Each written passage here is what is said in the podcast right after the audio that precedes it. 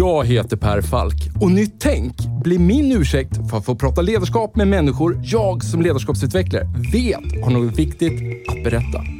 Och med tio avsnitt per säsong, varannan vecka, gräver vi därför ner oss i tekniker, principer och synsätt för att vi ska sätta fingret på vad som kännetecknar det ledarskap vi alla behöver se mer av. Och för att få de här samtalen att hända så har vi sponsorer. Först och främst min arbetsgivare Mindset där jag och mina kollegor tar fram både små och stora ledarskapsprogram som skapar de nya beteenden som behövs för att få er strategi att hända. Allt handlar om att noga identifiera moments that matters. Samt Promote, som är den självklara digitala plattformen för dig som vill skapa effektfulla lärresor och ett mätbart resultat i verksamheten. Och om ni vill ge era nya medarbetare en riktigt bra introduktion med en välkomnande och effektfull onboarding så tycker jag ni ska kontakta superproffsiga Induction. Ni hittar såklart länkar i avsnittsbeskrivningen.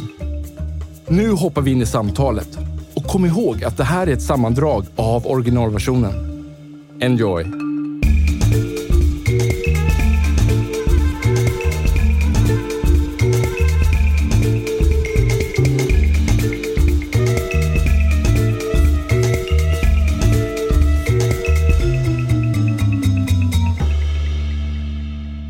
Jag läser en hel del eh, facklitteratur inom ledarskap för att jag är en ledarskapsnörd. Jag tycker det är roligt. Det är bra. Eh, jag, eh, ja, men så här, hela tiden man söker lite nya vinklar, hur framar sitt budskap och ibland snubblar man också över en helt ny förklaringsmodell som jag gillar och, och försöker få in i det jag pratar om. Och min fru, Anna då, hon känner väl inte riktigt samma fascination. Men hon, hon leder ju på gehör, jätteduktig ledare och hon måste ju göra det. Jag springer runt och leker ledarskap som konsult. Hon måste ju leda på riktigt. Men sen en dag så hittade hon en bok på mitt skrivbord som hon började bläddra i. Och det var din bok, Klas. Challengers företagen som ritar om kartan. Och det slutade med att hon beställde flera kartonger av den här boken och delade ut, så hade de som en liten intern bokcirkel där de diskuterade ett kapitel i taget. Och jag måste också säga att jag vet inte hur det här kommer landa in, men för mig så, så här, Challenges, det, det är boken som jag själv önskar att jag hade skrivit. Eh, hur, hur, låter det? Är, det? är det positivt eller är det negativt? Ja, jag är i så fall glad att jag hann före. det, det är alltså ett ja. jättefint eh, beröm till dig och den här boken. Men det här är en bok jag återkommer till gång efter gång efter gång. Och jag tänkte så här, vi börjar med att, så här, vad är det i din bakgrund som gör att du kan skriva en sån här bra bok? Jag har ju alltid varit en, eh, den typen som vill förändra och förbättra. Och eh, när jag så småningom hamnade i, i situationen eh, som anställd och ledare själv så hade, har jag haft samma inställning och attityd. Och många gånger så inser man väl att man inte borde ha pillat och skruvat och så. Men de flesta gångerna skulle jag påstå att det är ändå till sin fördel. Mm. Och eh, jag hamnade i en situation i karriären där ja, helt enkelt bolaget skulle bli uppköpt och det kom en stor internationell spelare. Jag insåg direkt att det kommer lukta hierarki och byråkrati och där vill inte jag vara. Mm. Och eh, av en händelse så korsades två vägar och jag blev eh, rekryterad som konsult i ett bolag som helt fokuserar på tillväxtbolag. Och där började min resa och eh, 2004 tog jag över verksamheten och, och byggde upp eh, det som idag heter TXP. Det du kallar Challenger-bolag, ja. Eh, tillväxtbolag. Alltså, i, I mångt och mycket så handlar ju ditt koncept hur att hur skapa ett sant inkluderande ledarskap på riktigt. Och jag tycker liksom, det är ju många organisationer, det är ju lite heliga graalen. Det är ju många organisationer, eh, vare sig man är industri, klassiskt industribolag eller en eh, myndighet eller, eller en startup. Men det, det jag tycker ofta saknas, det är en, en styrmodell för att få det här att hända och som inte bara chefens chef förstår, utan man även förstår på en medarbetarnivå. Och det är här jag tycker din bok så elegant kommer in med din vart, vad, hur-modell. Och det är den jag tänkte vi skulle prata lite om. Mm. Jag kan kommentera det du säger, att det som chefens chef förstår. Då kan jag överraska med att oftast det förstår inte den det heller. Jag har träffat eh, ledningsgrupper där, eh, där hela ledningsgruppen, och den får man ändå tänka att det är top management som liksom bygger bolaget.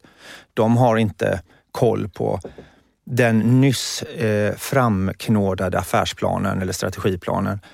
Och svaret är enkelt. Det är för omfattande och för, för knöligt och det är för mycket corporate bullshit i den. Mm. Jag brukar, det, det, är ungefär som att eh, man ska tänka sig ett eh, fotbollslag som går in och så pratar man om eh, spelsystem och det ena efter det andra så kommer man ut ur och ska gå eh, ut ur omklädningsrummet kanske då och så ska man ut på planen och så helt plötsligt har någon tagit på sig hockeykläder och en annan innebandykläder. Och det känns så när man kommer till bolaget. De går ut och gör sina egna grejer.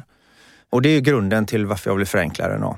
En annan sanning det är att eh, många ledare och kanske de som kallar sig mer chefer har en uppfattning av, tycker jag, utan, eh, inte alltid att de vill erkänna det, men man märker på deras hållning att de ska ha alla svar. Mm. De ska ta alla beslut. Mm. Det är de som har informationen. Och de blir vad jag kallar för T-central. Eh, och, och, för er som inte bor i Stockholm då så är det ju så att eh, ska man någonstans i den här stan så måste man alltid ta sig förbi T-centralen. Det går inte att passera gå höll jag på att säga. Och så gör jag liknelsen då. Så många chefer, de blir som T-centraler. vad, vad, är det som har lett fram till, tror du, i, i vårt samhällssystem som gör att många chefer känner att de måste sitta på alla svar? Ja, Ja, det där är så himla intressant och inte helt okomplicerat därför att det är takes two to tango. Så att eh, det är inte bara så att det är chefen som sätter sig i den positionen att nu ska jag alla svar. Utan det är ju folk som kommer till den personen också, oftast kanske teamet då. Mm. Ja men eh, kan du berätta för mig hur jag ska göra det där? Jag skulle vilja att du tar beslut. Det, du är ju chef så nu ska du sätta schemat eller du borde prata med dem. Alltså man, man ställer en förväntan också från många individer på att chefen har den rollen. Mm. Och då vill man ju som ledare eller som chef kanske vara till lags och vara en duktig chef. Kunna klappa sig lite på axeln åtminstone när veckan har gått. Och inte bara känna att man är otillräcklig. Och då tänker man att då gör jag väl som de ber. Så har jag varit en bra chef. Så det har, det har, dels har det med det att göra. Och sen är det en legacy. Det är ju, hela strukturen i samhället är uppbyggd på det sättet. Få bestämmer över många. Men alltså någonstans här, det har ju ändå funkat förut att leda på det sättet. Så här, eh, Sverige har ju ändå blivit en, en så ledande industrination. Så är det ju. Så varför kan vi inte bara fortsätta att vara T-centraler då? Eh, nej, men jag tänker så här att eh, eh, hierarkiker och byråkrater fungerar bäst i en väldigt statisk omvärld. Mm. Statiskt menar jag när det inte är, rör på sig så himla mycket. Det kanske man hör, men i alla fall.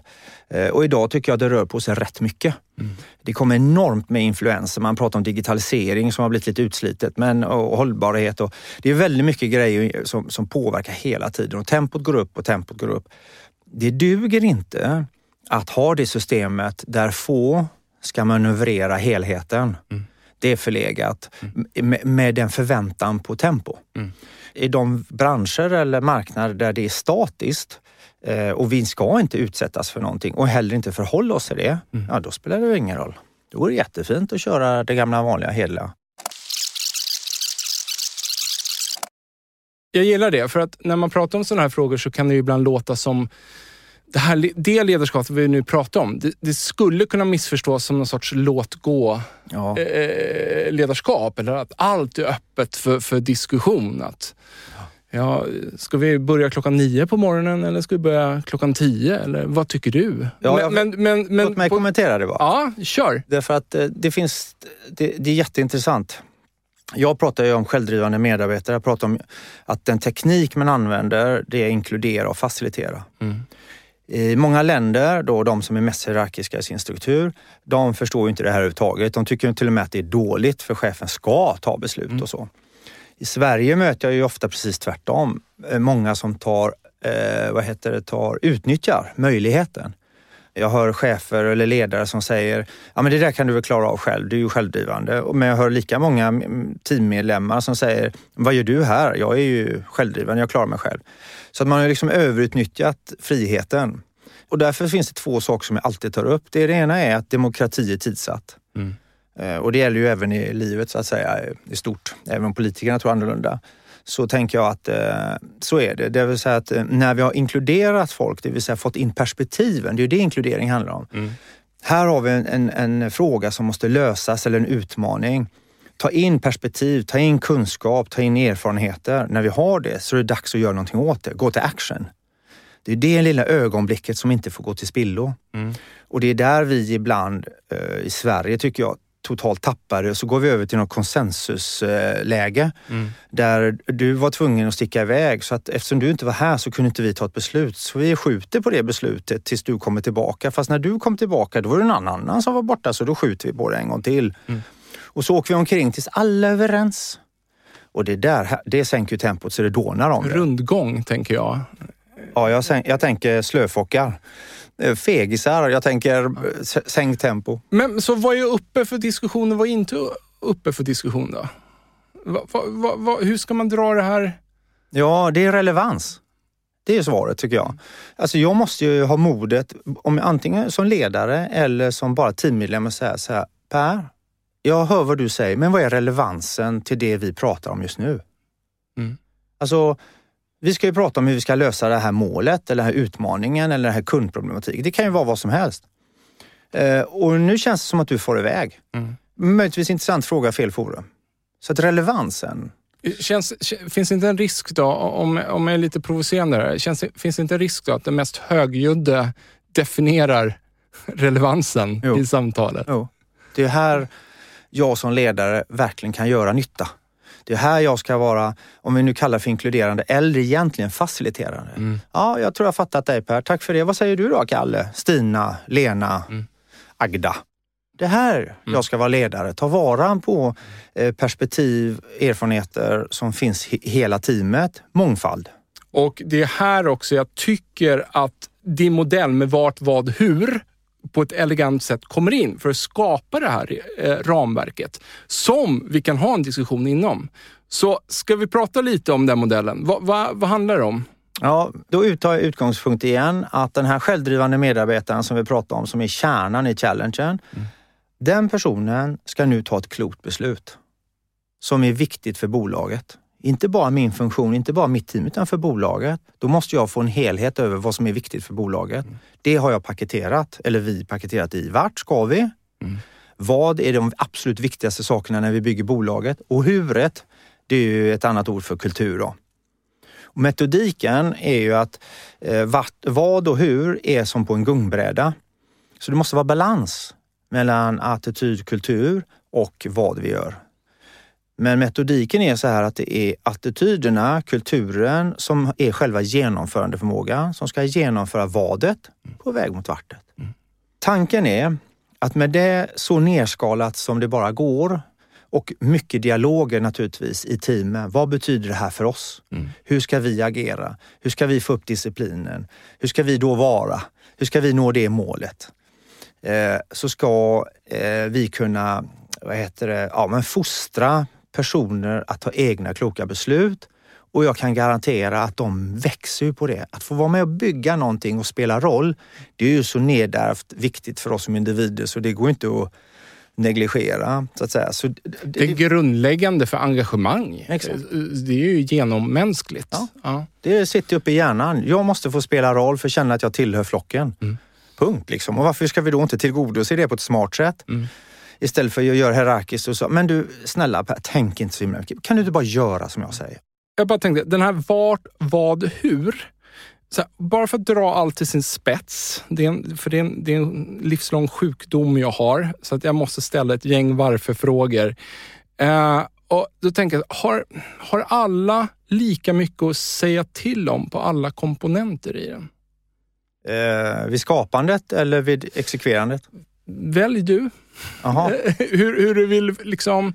För, för jag tänkte, du sa ju något så här, vad var det du sa om demokrati tidigare? Det är Att- tidsatt. Ja, och men det menar du då att så här, nu röstar vi? Eller vad, är, Ja, vad menar du med Att vi kan inte hålla på och dravla konsensusdravel. Ja, Vi kan inte hålla på hur länge som helst. Ja. Utan, eh, jag, jag tar den ena frågan. Jag börjar Ja. med vid skapandet.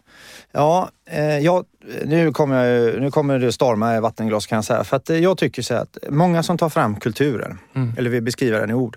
Allt för sällan så lägger de in, vad har vi för ambitioner i bolaget? Utan de vill bara ta fram en kultur, liksom, så att säga. Eh, ja, och vad gör man då? Jo, då gör man lite, då kallar man in eller ber alla medarbetare engagera sig, så post-it-lappar och så får man, vad är viktigt för oss och hur ska vi vara? Och lite hårdraget så säger jag så här, då får man fram en arbetsmiljöbeskrivning. Hur medarbetarna eller organisationen tycker att det borde vara här. Relevans? Frågetecken. Därför att frågetecknet handlar ju om, kommer det att genomföra våra högt ställda ambitioner eller lågt ställda ambitioner? Men kommer det, mm. den kulturen, kommer den att genomföra vårt vad, i mitt språk, mm. på väg mot vart? Mm. Väldigt sällan finns den kopplingen. Där, det, då får jag panik. Utan istället... Utan... Ja, jag är på väg åt det hållet. Det kommer ta tid, men jag är på väg åt det hållet. Och eh, då tänker jag så här, eh, ja, det var, det, men inte det fint att involvera alla, inkludera alla? Jo, men då måste alla förstå vad är det vi vill uppnå? Då måste alla förstå vad är det vi ska bygga. Mm. Och vid det, vid det tillfället så är det inte alla som gör det, för vi har inte varit duktiga på att inkludera alla innan. Mm. Så då blir det lite, okej okay, jag frågar dig, men eftersom du inte riktigt vet vad våra ambitioner och sånt är, så hur ska jag hantera dina svar? Om de visar sig vara out of line. Det, det kanske blir lite för mycket, så här, vi, så här, det är ju en viktig del, men det kanske blir lite för mycket så här, trivsel på jobbet. Exakt. Och någonstans så tänker jag så här, ja, och det är ju jätteviktigt, men det ska också korrelera med åt det håll vi ska åt. Och alla helst ska ju det liksom lyckas smälta ihop på något mm. sätt. Men du, häng kvar, ta en krok på trivsel på jobbet och eh det här med social trygghet och så så ska jag ta ett varv runt det också tänkte jag. Men eh, i alla fall, då tänker jag så här att ägare och styrelse sätter ju ändå ramarna för vad vill man med bolaget? Vad har man för ambitioner med bolaget? Mm. Och sen så tar ledningen vid. Och är det en riktigt aggressiv ledning så är det ju de som talar om för styrelsen och för ägarna, nej vi vill så här mycket istället. Det tycker jag, jag älskar när det är så. Eh, ja, och där någonstans sätts man i ramarna och ramarna för mig det är vart, vad och hur. Mm. Men de ska vara tillräckligt så att säga, yviga. Eh, jag brukar prata om att det finns en tydlighet i otydligheten. Mm. Det ska vara en ram, inte en instruktion. Mm. Så att eh, när det kommer ner till mig och mitt team, mm. då kan vi sitta och prata om de här ramarna. Vad betyder det här för oss? Bolaget säger, vi säger att det här är viktigt. Hur ska vi förhålla oss? Vad är relevansen? Då kan det bli sjukt intressanta diskussioner. Mm. Och sen när vi vidgar det till ett annat team och säger hmm, vi jobbar ihop med dem där så låt oss höra hur de ser på relevansen och vad som är viktigt för dem. Mm. Eh, då, då, då händer ju någonting. Då kan vi lösa massa saker själva utan att gå den hierarkiska strukturvägen, T-centralen. Förra veckan träffade jag en ubåtsbesättningsman mm. som hade hjälpt till eh, i vad heter det, övningar med amerikanska flottan. Mm. Och de lyckades ta sig fram till hangarfartyget, den lilla svenska ubåten, om och om igen. Mm. Skälet till att de lyckades, mm. det var att de agerade på instinkt i hela båten. Mm. Och skälet till att amerikanerna misslyckades var att de väntade på chain of command. Mm. Jag var med på den ubåten. Det är sant? Ja. Gud vad spännande. Ja. Eh, och jag har tänkt den här tanken du just hörde eh, väldigt många gånger och jag skulle säga att vår kultur eh, var den som vann över en annan kultur ja. här. Det som blir lite komplicerat är, vi, vi kan ju inte prata exakt hur de här övningarna gick till eller hur det gick. Men absolut var det två system för ledning som krockade där. Varav ett system för ledning var lite mer snabbfotat än det andra systemet. Där har du svaret på allt jag pratar om. Ja. Vad roligt. Och det finns fler eh, liknelser som, som går tillbaka till andra världskriget. Mm. Där också eh, man kunde se att eh, de eh, förband som var snabbfotade tog egna kloka beslut som man kunde tycka då, eller det, mm. det, kan man ju diskutera i krig, men i alla fall utifrån den kontexten var mer framgångsrika. Uppdragstaktik. Exakt, ja. precis. Än till exempel engelsmännen som led väldigt mycket av det i början, att man väntade på mm. någon högt upp så att säga. Va? Så, att, eh, eh och det, så, så, mycket svårare än så. Och det är det. Jag skulle vilja säga att mycket av, av så här, tänker från agile och så vidare, skulle jag vilja säga, kommer från den här militära världen en gång i tiden. Mm. Eh, att helt enkelt ge en tydlig, vad ett mål, vad ska uppnås och ge de resurser som man har till förfogande. Men att sen låta gruppen i så stor omfattning som möjligt bestämma hur ska vi nu nå det här målet med de här resurserna vi har. Och jag skulle också vilja säga till att, ja, eller nu blir det riktigt nördigt, men jag skulle också vilja säga att det var en eh, ja, men om man tittar på så här, finska vinterkriget, där Finland höll stånd mot en, liksom en, en stor makt var för att man tryckte ut sitt ledarskap och därmed fick det mesta ur sin organisation mot det yttre hotet då, som kom österifrån. där. Några centrala bärande punkter i dina resonemang handlar ju om tillit och feedback. Och jag tänkte så här, om vi bara stannar upp och pratar lite om det. Vad är tillit för dig? Och, och varför är det viktigt för, för den här typen av organisation? Och för alla organisationer kanske, skulle jag vilja hävda. I receptet hur man bygger ett bolag eller en challenger så finns det vissa saker, ingredienser som jag tänker att vi som bolag kan ta ansvar för. Och då pratar jag om eh, mål och målstyrning, jag pratar om ramar, jag pratar om tydlighet, jag pratar om instant feedback, mm. alltså omedelbar feedback. Och då är det två saker där. Det ena är ju på beteenden mm. Och det andra är på eh, prestation. Mm. mm. Och sen har vi transparens, information, kunskap har vi pratat om. Mm. På den andra sidan som har mycket mer med dig att göra, som du måste jobba på. Och när jag säger du, då menar jag alla vi i bolaget. Då är mm. det mod, tillit och nyfikenhet. Mm. Så de tre ingredienserna måste var och en av oss gå och fundera på, jobba på, träna på. Mm.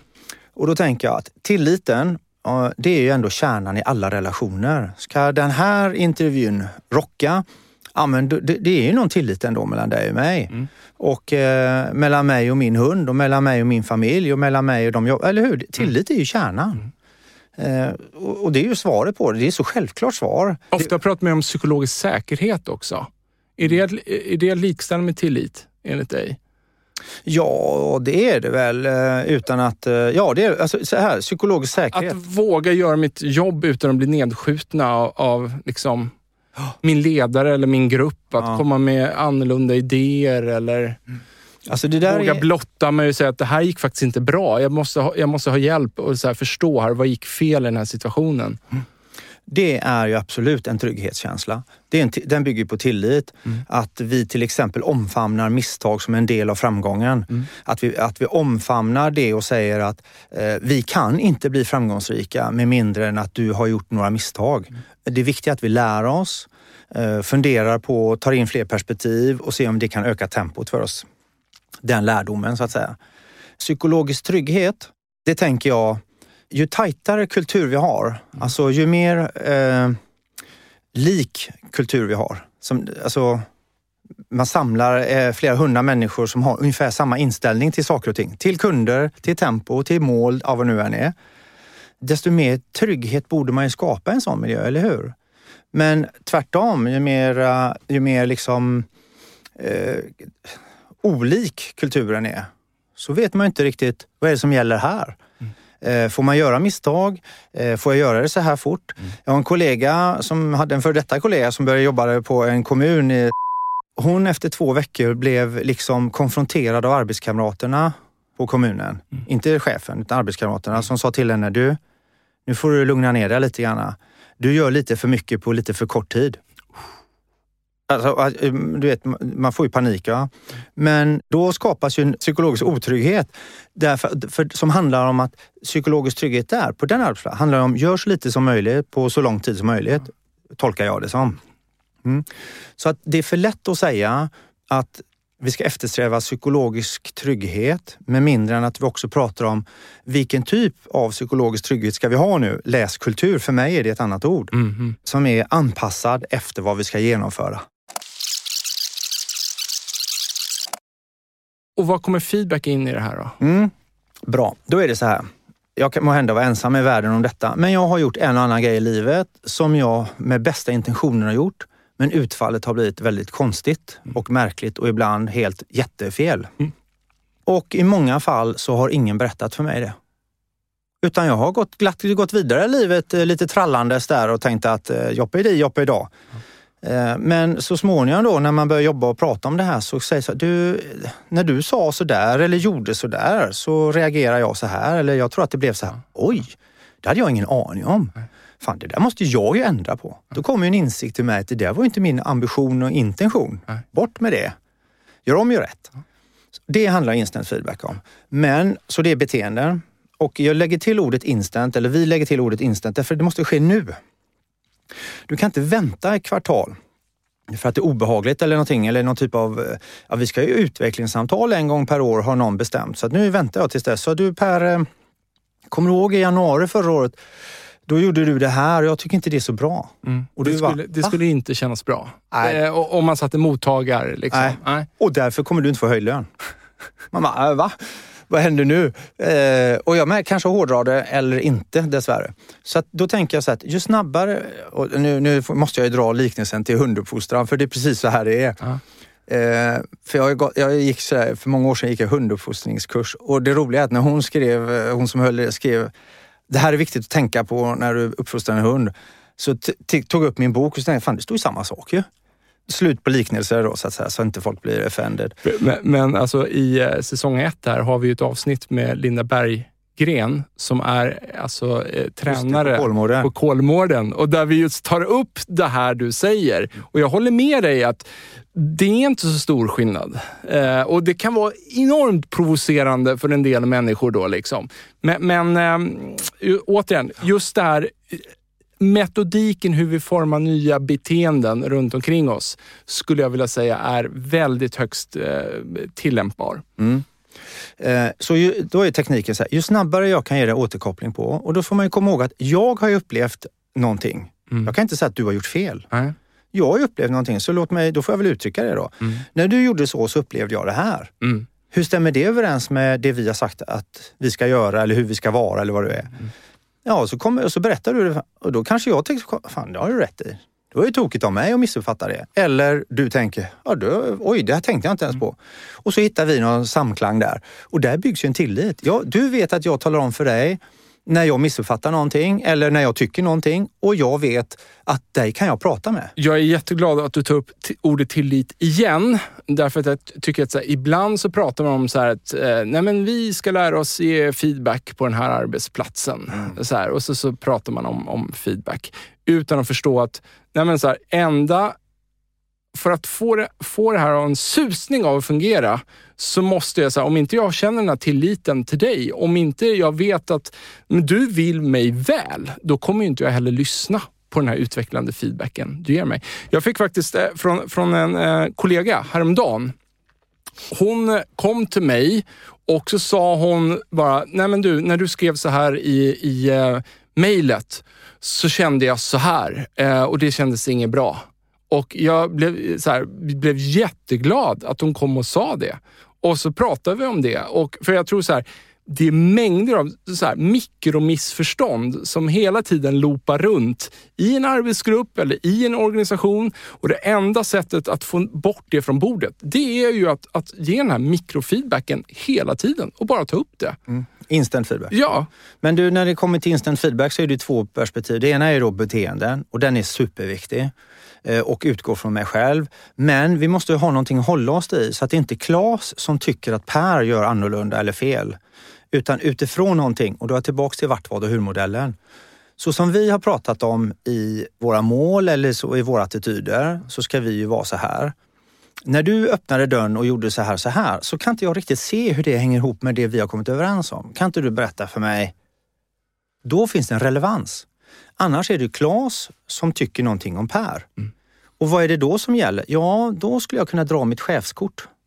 Eller jag har varit här längst-kortet. Eller jag skriker ännu högre än dig-kortet. Eller jag kan till och med platta till dig-kortet. Och där är ju det här med OKR eller målstyrning som kommer in nu. Som jag tycker är så himla viktigt. Den hierarkiska strukturen, målstyrning, där behövs ju inte, även om de kämpar med. Därför de har chefer som talar om vad som är rätt och fel och de instruerar på instruktionsnivå. Men fan ska, vad ska man med mål till då? Så att säga, va? eller hur? Du får ju ändå reda på med omedelbart vad du ska göra och inte göra. Medan mål i en challenger är helt avgörande för att du ska ta dig ner för backen eller upp för backen på rätt sätt. det blir ju ramverket. Exakt. Ja. Och då ska vi prata om mål, inte aktiviteter. Det är Mm, målen som är mm. intressanta, inte aktiviteterna för att ta sig till målen. Mm. För om jag som chef eller ledare ska lägga mig i och styra dig utifrån de aktiviteter du gör. Jaha, eh, hur vet vi att de är relevanta om två veckor, de aktiviteter du bestämt dig för att göra? Nej, målet är fortfarande relevant. Målet är inte förhandlingsbart.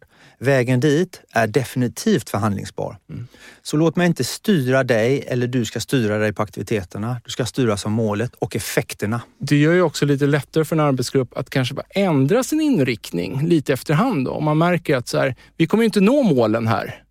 Det ska inte bara underlätta. Ja, nej, men, nej, jag, jag, det ska provocera fram just det. Jag, jag, jag, förstår det, men jag tänker mig i många organisationer så kan det ju vara så här att om man plötsligt vill ändra inriktning, då kan det ju framstå som att Ja, men ni verkar ju inte veta vad ni håller på med. Annars skulle ni ju inte vilja ändra inriktning. Därför att de pratar om aktiviteter. Exakt. De pratar inte om målet.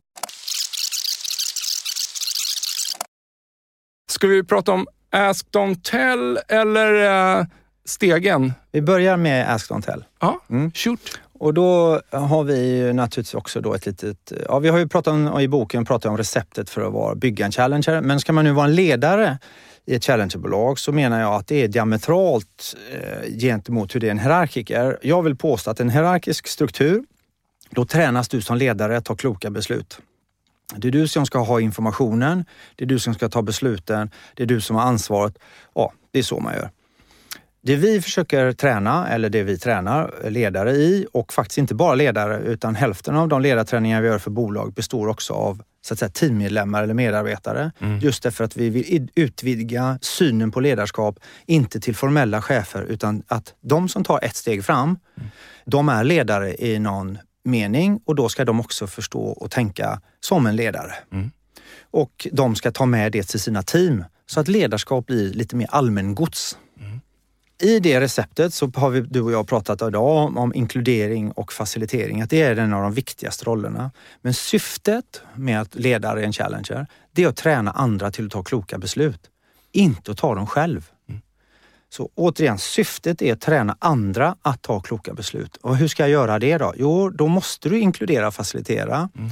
Och en metod vi använder som vi kallar för dialogloopen, i den ingår Ask Don't Tell. Och det handlar om att ställ frågor. Tala inte om för folk vad de ska göra. Fråga om det här är målet, hur skulle du vilja lösa det då? På vilket sätt kan du göra det? Hur ofta kan du göra det? Jag vill se mer av det. Hur skulle det då se ut? Mm. Du, jag tycker tillit är viktigt. Kan du berätta för mig, vad bygger tillit för dig? Har du det för mig? Mm. Tycker du vi lever det? Det finns ju hur mycket frågor som helst. De enda frågorna som är förbjudna, det är stängda frågor. Och här har jag en liten, det är en liten rolig anekdot. Då. När, många gånger när man börjar med folk och träna det här och ställa frågor, då börjar de... Det deras första trevande steg är så här. Ja men eh, Per, då gör vi så här, eller hur? Ja, nu vet inte jag om det där var en öppen fråga då, men det blir lite lustigt sådär. Därför de tränar på att ställa frågor. Och där tror ju vi alla, tror nog att vi använder de här öppna frågorna mer än vad vi kanske gör i verkligheten. Ja. Tänker jag mig. Därför att det kommer alltid med eh, hur, vad jag tycker och sen så klämmer jag till med en fråga på slutet för att vara lite inkluderande och det är ju tokfel ja, oftast. Precis. Ja. Och det är ju lite som vi pratade om det här med ubåten eller eh, militären eller alltså överhuvudtaget hela den här organismen, det är ett systemiskt tänk, mm. handlar ju om att ta vara på, kapitalisera på potentialen hos varje enskild individ. Mm. Det är bra människor som vill mycket, mm. passionen. Mm. Se till att ta, dra nytta av den, mm. men fråga dem hur vi ska göra det då. Mm. Tala inte om för dem. Nej. Det är ju helt galet. Vi var ju tidigt inne här att vi pratade om så att eh, att det kan missförstås, så här, det här typen av ledarskap det kan missförstås för mycket, det, för mycket tyckande och, och, och tänkande där. Och, så här, och vi kom fram till att det här, om det ska få det här att funka så behöver vi folk som tar ett stort personligt ansvar. Kan vi inte prata lite om initiativstegen? Jag har inte varit på ett enda ställe under de här 21 åren som inte blir kära i våran initiativsteg. Jag tycker den är skitbra, rent ut sagt. Ja, det är sju steg som beskriver vilken inställning och vilken attityd man har till saker och ting. När jag säger saker och ting så menar jag, det kan vara en möjlighet, det kan vara ett problem, saker som uppstår. Eh, alltså folk som tar ett steg fram och gör eller inte. Och, för, och då ska, vill vi ge ett verktyg till ledare och team att eh, liksom utforska hur har vi det i vårt team? Det är egentligen det det handlar om. Jo, vi ger dem ett konkret verktyg och flera av våra kunder, tack, alltså det är så himla roligt, de, de beställer färdiga stegar som de har på sitt kontor. Mm. Så tar de med sig en fysisk stege in på ett eh, teammöte så att säga. Amazon eller slipsen. Ja, exakt. Ja, Va? mm. Och så, du, jag tänkte vi skulle prata om den här. Och sen, du vet, handfast, enkelt hålla sig. Va? Eh, och den går alltså ut med att rama in i utifrån vart, vad och hur-modellen också. Man ska säga, hur hänger det här ihop nu med våran modell och det vi vill? Mm. Längst ner, då har vi folk som klagar. Och det vet både du och jag. Alltså det, man kan, du, de där borta, de är dumma. Kan inte du som chef, du borde säga till dem. Det är faktiskt ditt ansvar. Eh, eller så hör man att man aldrig får reda på någonting. Eller det, ingen har sagt det till mig. Det mejlet har inte jag fått. Det är typiskt. Så här är det alltid här på den här arbetsplatsen. Nästa steg, det är ju de som är tysta och passiva. Eh, som inte säger någonting. Och de blir man ju lite skraj för. Är det här bra eller dåligt? Så. Men vi tycker ändå att det är något mer bra energi än de som klagar. Eh, och sen har vi de som eh, kommer med ett eh, förslag. Liksom. Du vet, så här, men, eh, eh, någon borde väl ta tag i det här eller borde inte någon säga till? Med betoning på någon. Ja, absolut. Va? Så då, man kan säga att de ber om en lösning i alla fall. Va? Borde inte någon tala om för dem där borta? Sen har vi de där som då kommer med, ja men jag tycker man borde gå till dem och säga så här eller jag tycker man borde ringa till den där och fixa det där. Eller, ja, man, har en, man har någon liksom idé om i alla fall hur vi ska lösa det hela. Men det är absolut inte mitt ansvar. Det vill jag vara solklar med. Så att säga. Ja, eh, och sen så gör vi ett rejält hopp upp till eh, en eh, femte blir det ja. Då börjar man att göra. Mm. Så att man börjar att skruva lite grann, vad det nu kan vara. Vi kan, eh, låt oss fantisera om att eh, eh, jag tycker att samarbetet med teamet där borta är uruselt. Och från början så klagar jag bara på dem för de är idioter förstås. Va? Det fattar ju vem som helst. Eh, och sen så tycker jag att chefen ska gå och lösa det. Och sen så kan jag tänka, borde inte någon gå och prata med dem? Men nu börjar jag treva. Du Per, jag tänkte att eh, jag kontaktar dem och så pratar jag med dem kanske om det funkar sådär. Är det okej med det? Kan jag göra så här? Eller? Alltså jag börjar treva lite grann, men ganska snabbt är jag hos dig och får jag göra så här? Ja. Nästa steg, då har jag kommit ännu längre på den här resan. Då har jag till och med tagit kontakt med dem och kanske pratat med dem. Men jag är lite osäker fortfarande. Så då kollar jag med dig i alla fall. Lite senare på resan. Och det sista steget, eh, gör, gör klart så att säga. Det är att jag, jag går och pratar med dem. Jag försöker lösa upp knuten. Jag till och med löser knuten tillsammans med dem. Och eh, fix och färdigt klart så att säga. Va? Men då kommer det viktiga också. Då berättar jag för du Per, vi hade en fnurra på tråden. Eh, jag har tagit upp det med dem. Vi i samverkan har löst det, saken ur världen. Vi går vidare. Då har ju du ju förhoppningsvis som ledare tränat mig till att ta ett klokt beslut så att jag själv med mina drivkrafter tog tag i det dåliga samarbetet eller vad det nu är som inte funkar. Då är du högt upp i initiativstegen. Vi har ju pratat om så mycket. Vill du summera, så här, där pratar vi om verktyg. Vill du summera upp något mer? Eller så hoppar vi bara över det. Det är helt lugnt. Jag kan fråga så här. Vad, Jag fattar inte hur man inte vill jobba och leva i en Challenger.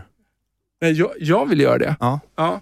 Om, om man nu tycker det här att det här, eh, jag vill veta mer eh, om det här.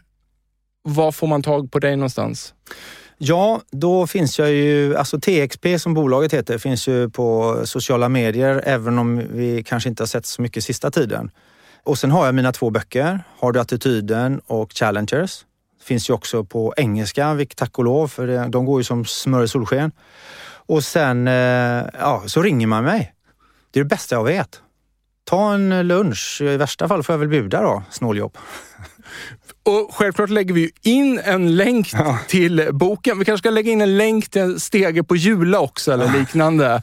Ja, du vet vad det roliga är att jag har inte hittat en med sju steg. Nej, det var det jag satt och tänkte Utan de bara på. tillverkar egna. Ja, men eh, man, man, vi får- vi får eh, ta kontakt med någon leverantör i Kina kanske som kan eh, ta fram sjustegsmodell till dig. Ja. Du, så här, Claes, stort tack för ett jättelärorikt eh, avsnitt. Tack för att jag fick komma. Det var fantastiskt roligt. Ja, men vad roligt. Ja. Hej! Tack, hej. Hörni, tack till våra sponsorer Mindset, Promote samt Induction för att ni tror på den här produktionen. Ta hand om er.